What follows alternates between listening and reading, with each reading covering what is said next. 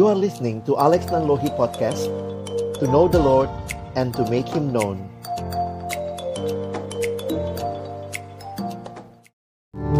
Mari kita tunduk kepala kita berdoa sebelum membaca merenungkan firman Tuhan.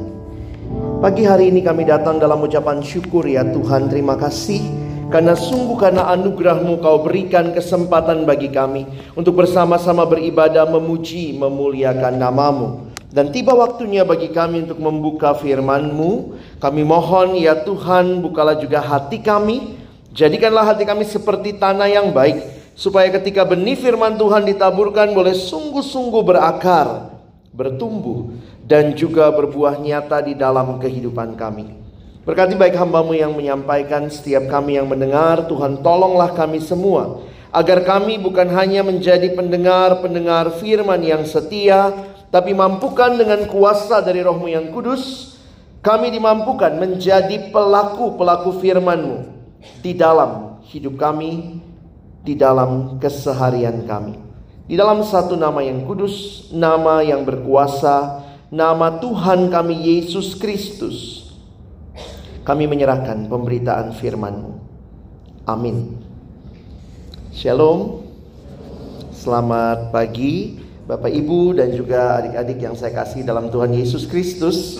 Pagi hari ini kita sama-sama akan melihat satu tema tentang blessed assurance. Dan saya mengajak kita akan membuka bagian firman Tuhan yang mendasari perenungan kita. Kita membuka di dalam 1 Yohanes pasal yang kelima Mari lihat sebentar satu Yohanes pasalnya yang kelima. Kita akan membaca di dalam ayat yang ke-11 sampai dengan ayatnya yang ke-13. Satu Yohanes pasal yang kelima, ayat yang ke-11 sampai dengan ayat yang ke-13. Pria bersama saya membaca ayat 11, perempuan ayat 12, kita sama-sama ayat 13. Oke? Okay? Mari, mari yang pria membaca terlebih dahulu satu dua ya. Ini dan inilah kesaksian itu Allah telah mengaruniakan hidup yang kekal kepada kita dan hidup itu ada di dalam anaknya.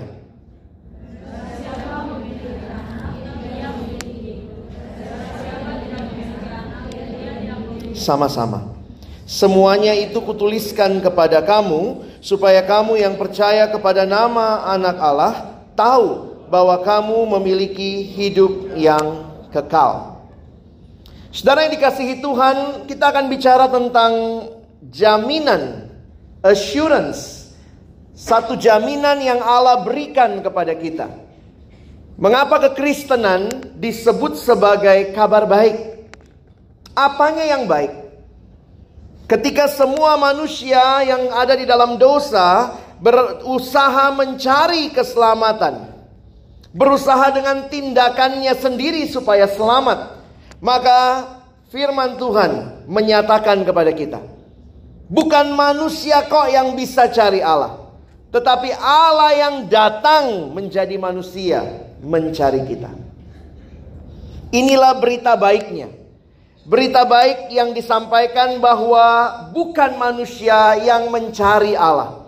Manusia di dalam dosa tidak mungkin datang kepada Allah tetapi Allah datang kepada manusia. Semua agama berbicara tentang usaha supaya selamat. Kekristenan berbicara apa yang Allah lakukan supaya saudara dan saya selamat. Beda, beda banget. Different, totally different. Semua mengatakan apa yang harus kamu lakukan supaya selamat.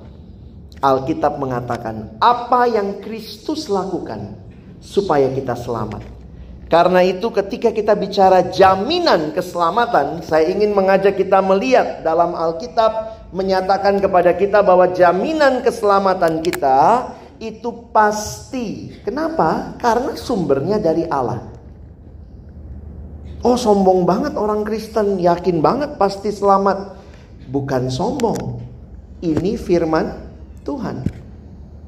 Tadi Rasul Yohanes mengatakan apa? Supaya kamu tahu. Ayat 13. Supaya kamu percaya kepada nama anak Allah. tahu bahwa kamu memiliki hidup yang kekal. Jadi kalau kita bicara jaminan keselamatan, kenapa kita bisa yakin? Keyakinan kita bukan karena kepedean. Kalau saya yang menentukan keselamatan saya, maka saya nggak akan pernah bisa yakin. Tapi karena Allah yang menyelamatkan saya, itu menjadi dasar yang teguh untuk keyakinan keselamatan kita. Kalau Tuhan selamatkan kita, maka itulah jaminan kita Keselamatan memang adalah anugerah Allah. Jadi kalau saudara perhatikan, karena keselamatan itu anugerah Allah, maka perhatikan ini istilah di dalam kekristenan bahwa kita diselamatkan oleh Allah terlebih dahulu, bukan karena perbuatan baik. Saudara lihat sebentar, yang namanya perbuatan baik di dalam banyak agama diajarkan. Kekristenan mengajarkan perbuatan baik, yes. Tapi jelas berbeda. Perbuatan baik bukan syarat untuk selamat. Tapi perbuatan baik adalah buah dari keselamatan. Lihat ya bedanya. Karena itu kita mulai dengan Allah membenarkan kita. Allah menjustify kita. Jadi secara de jure secara hukum status Allah yang selamatkan kita. Menarik sekali Alkitab berulang kali mengatakan bukan karena perbuatan baik kita. Bahkan Paulus mengatakan di Roma 5 ayat 8, waktu kita masih berdosa Allah mati buat kita. Kristus mati bagi kita. Ketika kita masih berdosa. Ini menolong kita menyadari bahwa bukan karena saya benar makanya saya selamat, tapi karena ada pribadi yang membenarkan saya. Karena itu perhatikan di dalam Alkitab berulang kali istilah keselamatan munculnya selalu bentuknya pasif. Diselamatkan, dibenarkan, dikuduskan, bukan usaha kita. Lalu di mana letak usaha kita? Semua bicara usaha kita, do something to get something. Kekristenan berkata, kamu diselamatkan oleh Allah, itu karya Allah, anugerah Allah, barulah kemudian ada actionnya. Di mana letaknya perbuatan baik di dalam kekristenan? Sebagai buah dari keselamatan. Jadi kekristenan berbicara dapat status dulu, baru aktusnya sebagai respon terhadap status itu. Sementara semua yang lain mengajarkan action, action, action supaya diselamatkan, supaya dapat statusnya. Waktu saya renung-renungkan saudara, sebenarnya kan prinsip hidup banget ini. Coba saya tanya sama teman-teman ya. Kalian rajin ke kampus, actionnya rajin ke kampus makanya jadi mahasiswa. Atau kalian diterima dulu jadi mahasiswa baru rajin ke kampus. Mana duluan? Statusnya dulu? Statusnya diterima jadi mahasiswa makanya kamu rajin ke kampus. Jangan dibalik. Rajin ke kampus supaya jadi mahasiswa. Banyak yang rajin ke kampus bukan mahasiswa. Dosen contohnya. Satpam lebih rajin dari kalian. Minggu dia masuk. Jadi bukan karena itu menurut saya menolong saya menghayati iya ya. Kekristenan beda. Kenapa kekristenan disebut kabar baik? Karena ini kabar baiknya. Pada waktu manusia lagi berjuang usaha untuk selamat, action, action, action supaya selamat. Tuhan bilang stop. Natal itu manusia nggak sanggup selamatkan dirinya. Natal Allah bukannya angkat tangan, Allah bukannya lepas tangan, Allah bukannya cuci tangan. Tapi Allah turun tangan karena manusia tidak sanggup selamatkan dirinya. Diselamatkan itu anugerah, dapat statusnya dulu, baru kita hidupi aktusnya sebagai respon keselamatan. Makanya saya kaget juga ya, banyak orang Kristen nggak ngerti kabar baiknya. Jadi satu waktu um, Kak Alex pergi ke satu tempat begitu ya, lalu saya lihat ada guru sekolah minggu. Ini ngajarnya begini. Adik-adik, ini anak sekolah minggu yang Adik-adik, supaya jadi anak Allah, kamu harus rajin baca Alkitab, kamu harus rajin ke gereja, hormati papa mama, uh, sayang guru-guru sekolah minggunya supaya jadi anak Tuhan. Betul nggak? Apakah kamu jadi anak Tuhan karena semua list yang kamu lakukan yang baik-baik kamu jadi anak Tuhan? Oke, saya kaget ini guru sekolah minggu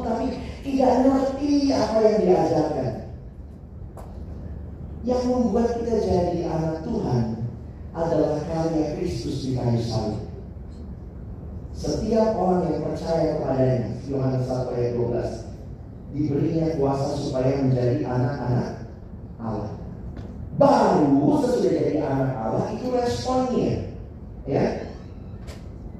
Coba teman-teman kalau misalnya kalian tinggal di rumah sama orang tua, Terus pagi-pagi kamu bangun, kamu nyapu kamarmu, kamu ngepel, kamu bantuin mama di dapur, kamu bantu cuci mobil papa. Saya mau tanya, itu kamu lakukan supaya jadi anak atau karena kamu anak? Ada nggak yang habis bikin itu terus bikin proposal? Papa mama, terima saya sebagai anak. Papa mama bilang gila anak. Jadi ngapain kita baca Alkitab? Supaya jadi anak Allah? Bukan. Kita baca Alkitab karena kita. Dan yang menjadikan kita anak Allah yaitu kepercayaan kita kepada Kristus yang mati di kayu salib. Jadi ingat statusnya dulu baru atus. Jangan dibawa balik ke Kristenan. Banyak orang berpikir, oh Kristen sama aja kayak yang lain. Agama itu bilang berbuat baik, kita juga berbuat baik. Oh beda. Makanya kalau ada yang bilang, oh semua agama sama, saya juga bingung. Kalau semua agama sama, yuk jadi Kristen. Eh nggak mau saya. Loh, kenapa? Katanya semua agama sama. Jadi Kristen aja kan sama. Justru di situ menunjukkan bahwa tidak semua agama sama. Semua bicara cara menuju surga. Kekristenan berbicara Allah pemilik surga itu datang ke dunia. Bisa dipahami? Karena itu kalau kita bicara jaminan jangan sok pede ini aku kuat, aku berbuat baik makanya aku ke surga. No, jaminan kita garansinya adalah Allah. Dari mana dasarnya? Ya dari firman Tuhan. Kita punya jaminan keselamatan. Maksudnya apa? Tadi kita udah bicara ya. Kalau Allah yang menyelamatkan, maka one safe, always safe. Gak bisa dong Tuhan selamatkan hari ini aku selamatkan kamu ya besok Tuhan bilang aduh sorry bukan kamu salah yang satu itu edisi revisi nggak ada makanya keselamatan kita bukan mudah-mudahan tapi pasti siapa yang memastikan bukan saya tapi Allah itu ayat yang kita baca tadi 1 Yohanes 5 11 sampai 13 saya pikir nggak usah kita ulangi ya tapi mari kita lihat ayat yang lain. Satu bagian di dalam Injil Yohanes ini kalimat Yesus sendiri. Yuk kita baca sama-sama. Kelihatan nggak ya? Mudah-mudahan masih kelihatan ya. Satu, dua, ya. Domba-dombaku mendengarkan suaraku dan aku mengenal mereka dan mereka mengikut aku dan aku memberikan hidup yang kekal kepada mereka dan mereka pasti tidak akan binasa sampai selama-lamanya dan seorang pun tidak akan merebut mereka dari tanganku. Bapakku yang memberikan mereka kepadaku lebih besar daripada siapa pun dan seorang pun tidak dapat merebut mereka dari Wow. Kita aman bukan karena kebaikan kita, tapi karena karya Allah. Karena itu gambar ini jadi menolong kita menghayati ya. Tidak ada yang bisa merebut kita dari tangan yang kekal itu. Keselamatan kita pasti. Dulu, sekarang, dan akan datang. Guaranteed 100%. Kalau sampai sini orang bilang sombong banget ya jadi orang Kristen ya. Gimana kalau berdosa? Loh, Yesus sudah mati buat dosa, makanya kita bisa selamat. Tapi sesudah selamat masih bisa berdosa nggak? Masih. Bedanya apa?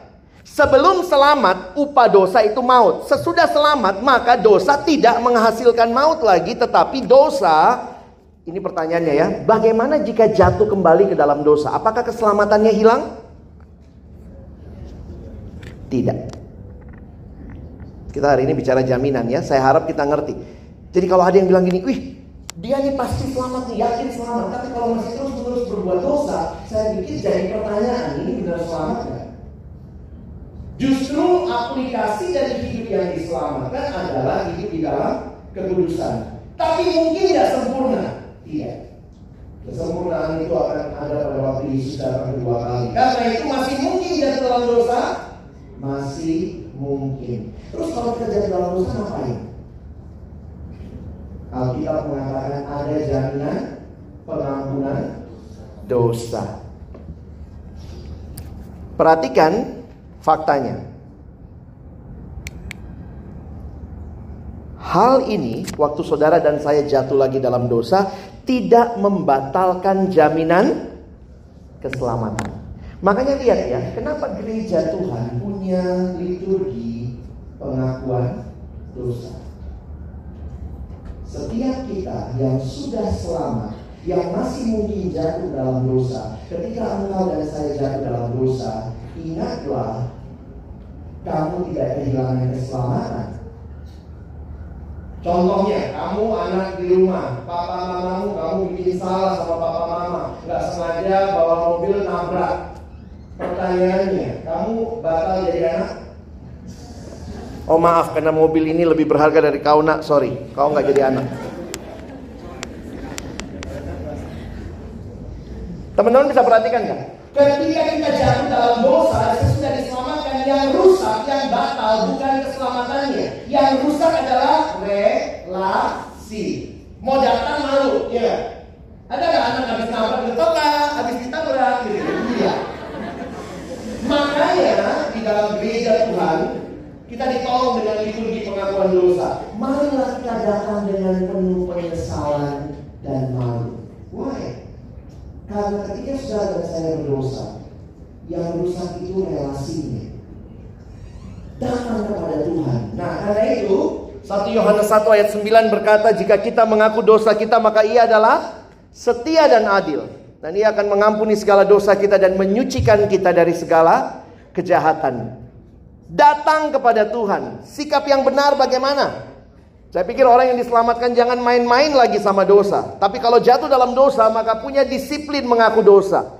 Gereja Tuhan paling tidak seminggu sekali kita datang dalam liturgi ada pengakuan dosa. Tapi miliki juga liturgi pengakuan dosa pribadi. Mungkin setiap malam sebelum tidur, coba ingat-ingat lagi. Tuhan hari ini aku munak banget sih ya. Tuhan hari ini kok aku julid banget.